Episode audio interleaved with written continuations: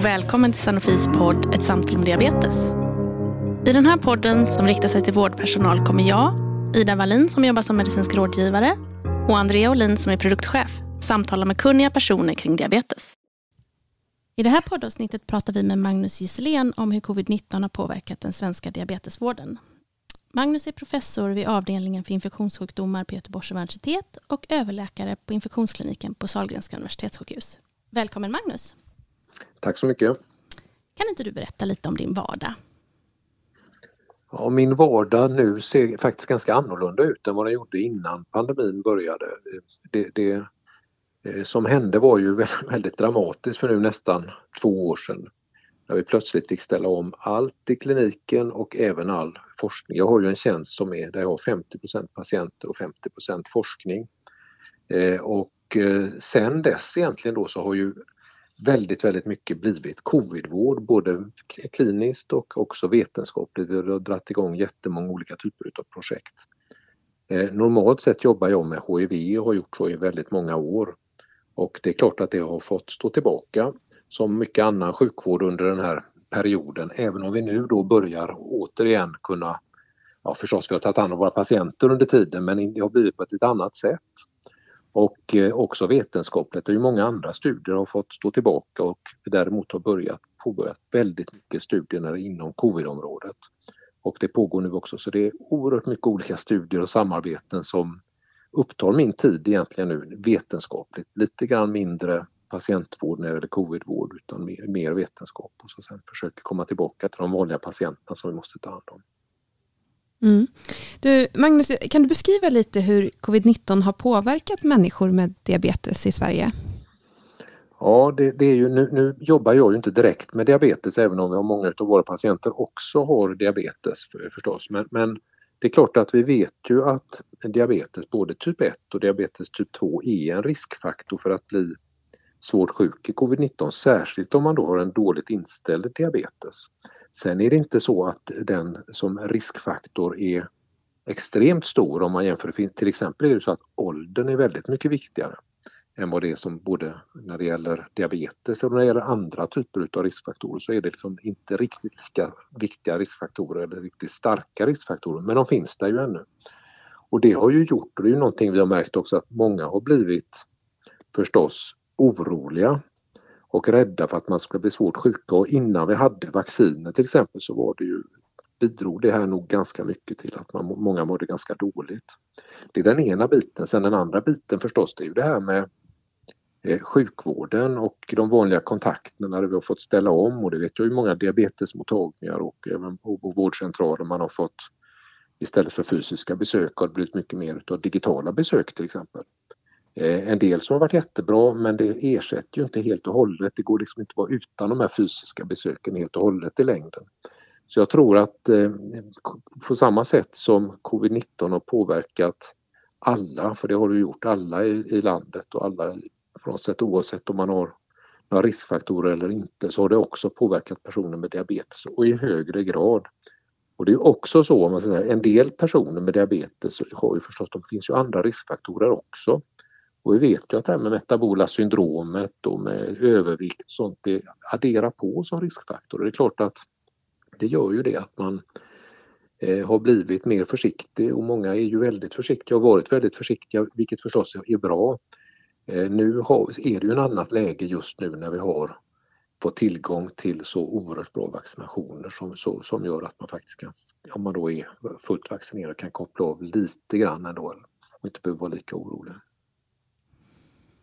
Eh, tack. Eh, jag tänker att du träffar kanske ibland patienter med diabetes på eh, infektionskliniken som har covid. Vad är den största utmaningen där tycker du? Ja, egentligen är det inte så stor skillnad om man har diabetes eller inte. Många av patienterna som har kommit in och varit svårt sjuka har ju haft diabetes. Eh, inte på något sätt alla, men, men, det är ju inte en helt ovanlig diagnos bland de som blir sjuka. Och det är ju också så att det är klart, kommer man upp i åldrarna så är ju diabetes, framförallt diabetes typ 2, ändå en väldigt vanlig sjukdom. Och så är det då överrepresenterat bland de som blir svårt sjuka. Så det möter ju, men sen är det ju inte någon, jag menar att det är klart att man måste ta hand om deras diabetes när man ligger inne. Men det, det är ju vi så vana vid ändå och det är ju så många infektioner där vi träffar diabetespatienter. Och, och, så att jag skulle inte säga att diabetes i sig är någon större utmaning just att ta hand om covid, eh, covid-19 utan det är mer att det är vanlig, ganska vanligt att man har det om man blir svårt sjuk. Vi har ju sett i media framförallt att det, vi har haft väldigt olika strategier i, i olika länder under pandemin. Kan du si, säga att det finns några skillnader mellan olika länder, till exempel Norge och Finland gällande just diabetes och covid? Strategierna har ju varit eh, som alla vet väldigt olika i olika länder överhuvudtaget hur man har hanterat pandemin. Eh, dessutom har ju förutsättningarna varit väldigt olika och det tycker jag man glömmer ibland att det är ju eh, för det är ju så här att det, framförallt i början av pandemin så hanterade vi ju det olika de nordiska länderna. Norge och Finland hade mycket striktare restriktioner än vad generellt tänker jag på då än vad Sverige hade. Samtidigt så efterlevde väldigt många i Sverige ändå de rekommendationer vi hade här på ett bra sätt. Vilket, vilket visar till exempel att vi Eh, andra infektioner som influensa och som vinterkräksjuka i princip försvann helt och hållet vilket ju betyder att de här restriktionerna som vi hade ändå hade en god effekt. Men sen var ju också förutsättningarna väldigt olika i de här olika länderna. Eh, så att, eh, och just när det gäller diabetes så, så tror jag egentligen inte att det är någon, någon större skillnad liksom som av, avspeglar diabetes utan det är mer att det här har varit de strategier man har haft för hela eh, för hela landet så att säga oavsett med sjukdomar eller inte. Så att det är mer det. Sen när det gäller sjukvården så tror jag att det har varit, när man pratar med kollegor i olika länder så har man hanterat det på väldigt likartat sätt. Att man har dragit ner på fysiska besök, dragit ner på mycket annan, annan typ av rutinsjukvård och mycket har då gått över till distanssjukvård med olika typer utav, utav besök via ja, antingen via sådana här Zoom-möten eller liknande eller, eller via eh, telefonmöten och så, och så mindre kontakt med sjukvården. Men om du skulle skicka med några ord till, eh, till de sjuksköterskor och läkare som, som har hand om patienter med diabetes, vad skulle du vilja skicka med dem avseende covid? Mm, det, det, det, allra viktigaste och det är någonting, men det här är ju något som alla vet och som vi ändå säger, det är ju just det här att diabetes är en riskfaktor för att bli svårt sjuk. Har man diabetes så är det en extra viktigt att man på något sätt blir vaccinerad och blir vaccinerad enligt de rutinerna som är att man har fått sina två doser och sen när det har gått eh, sex månader eller om man är över 65, fem månader att man får sin tredje dos därför att det är liksom en ökad risk och det är så tydligt. Och vi ser ju även nu när vi ändå har, har en förhållandevis god vaccinationstäckning eller en väldigt god vaccinationstäckning ifall det är många grupper att en del av dem som kommer in och blir svårt sjuka, det är många utav dem och då även personer med diabetes är ju inte vaccinerade. Och det är klart, då har man en stor risk att bli svårt sjuk så att det finns inga, ingen som helst anledning att inte vaccinera sig. Och som sjukvårdspersonal så är det ju viktigt att förmedla detta och diskutera det med patienterna. Det är ju någonting som vi får göra med våra patienter också, liksom ge argumenten för. Eh, en del är ju oroliga och har och liksom kan med övertyga sig med om man får en korrekt information. Vissa personer går ju inte att övertyga, man har en sån liksom en, har de åsikter och de synpunkter man har, de går inte att rubba. Men, men det är ganska få sådana tycker jag när man stöter på det, utan de flesta går faktiskt med argument och få förstå att vaccinationerna är så enormt viktiga. För det, för det är det ju, det är det absolut viktigaste och det är det som har gjort att vi ändå, att det ser så bra ut som det gör just nu. Ja, intressant. Ehm, om man skulle blicka lite framåt då, ehm, om när vi så småningom kanske är ur den här pandemin, ehm, vad tror du att vi då har liksom lärt oss? Mm, det där är en jätteintressant fråga och förstås väldigt svårt, alltid svårt att säga om, om framtiden. Men om man ser till pandemin i sig så, så tror jag att vi no kommer så småningom komma till ett läge där det vi får så kallad en endemisk infektion, att det finns en infektion som sprider sig i samhället men den ger inte de här konsekvenserna som det gör just nu när vi är i det pandemiska läget. Och då är det nog så, eh, och där är ju också viktigt när det gäller diabetiker eftersom man då har, eftersom man tillhör en riskgrupp. Det, för jag skulle tro att då kommer den här infektionen sprida sig. Det är så, små barn kommer få det, de kommer smitta ibland sina föräldrar som har ett visst skydd eftersom man är vaccinerad och haft infektionen tidigare och blir inte så svårt sjuka, varken barnen eller de som är vaccinerade. Och så personer som är äldre, äldre riskgrupper som diabetiker, Eh, de flesta diabetiker i varje fall, kan behöva då en regel, regelmässig vaccination. Om det blir varje år eller vartannat år, det, det, det återstår ju att se. Men så tror jag så småningom att det kommer bli. Men man, man kanske inte behöver vaccinera hela befolkningen regelbundet. Det återstår ju att se förstås. Sen det där vad vi har dragit för lärdomar för framtiden, det tror jag är väldigt mycket både för hur vården ska fungera. Mycket av det som vi har gjort nu och har ju liksom visat på andra vägar som har varit förhållandevis effektiva och väldigt bra. Det kanske inte är så att man behöver gå i alla de där samma fotspår som man gjort i alla år utan man faktiskt kan förändra vården lite grann.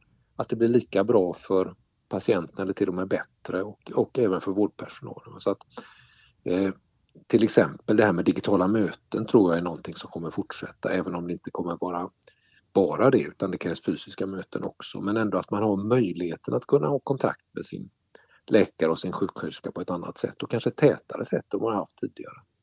För det, det är ju jag menar, det är så viktigt, har man en kronisk sjukdom så behöver man ha en lättillgänglig vård. Eh, det, det, det, är något som, ja, som är jätteviktigt och det kan man ju få på olika sätt så det är en del. Sen en annan del tror jag det är ju att enormt mycket forskning har gjorts om covid under de här två åren. Det är nästan ofattbart hur mycket artiklar och vetenskapliga artiklar som har publicerats inom alla möjliga områden. Eh, och inte minst heller då när det gäller diabetes och covid-19. Och det är klart att den kunskapen som den här forskningen har genererat, den kommer vi ha nytta av inom jättemånga olika områden. Och jag är övertygad utan att kunna något speciellt mycket när det gäller diabetesforskning ändå att det kommer också att vara kunskap som man kommer att kunna nytta av i det området, precis som i så många andra områden. För det här är, det är så oerhört mycket resultat och, och eh, bra kunskap som har kommit fram och då vet jag liksom, det är som en boom när det gäller vetenskaplig utveckling i det här som man kommer kunna få nytta av på så många olika sätt som vi inte riktigt ens vet ännu. Så det, det, om man nu ska se något positivt med det här så, så kan det faktiskt vara en sån sak att vi kommer få en boost utav kunskap som vi kommer att ha nytta av i, i många, många olika områden framöver, lång tid framöver. Tack. Har du börjat använda nya digitala verktyg för att kommunicera med patienter? Eh, ja, det har, ja, nya, ja, det har vi, vi, vi hade ju börjat lite grann innan också men det har ju blivit möjlighet att göra det på ett annat sätt med just det där med digitala möten. Sen är de patienterna vi har är inte alltid bättre med, jag menar, ibland är det lika bra med en telefon som det är med en att kunna se patienten. Så det beror lite grann på vad det är för patienter tycker jag då. Men det är sån där möjligheten och vi har fått tänka om i varje fall att vi, när det gäller HIV till exempel har vi haft så här att vi patienten har träffat och kommit och tagit prover två gånger per år när man är välbehandlad och det, kommer, det, liksom, det går inte att ta bort. Men så har man träffat sin doktor en gång per år oavsett om det behövs eller inte.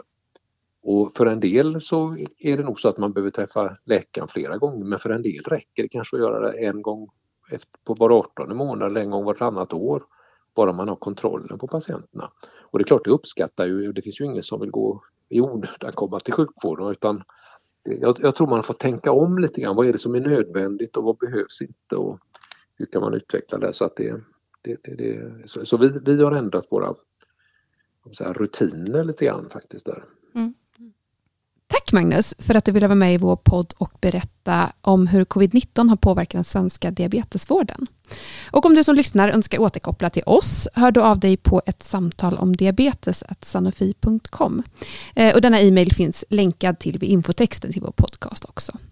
Eh, ett tips är att prenumerera på vår podcast så du får notiser när nya avsnitt blir klara. Tusen tack för att ni lyssnade. Hej då! Hej då!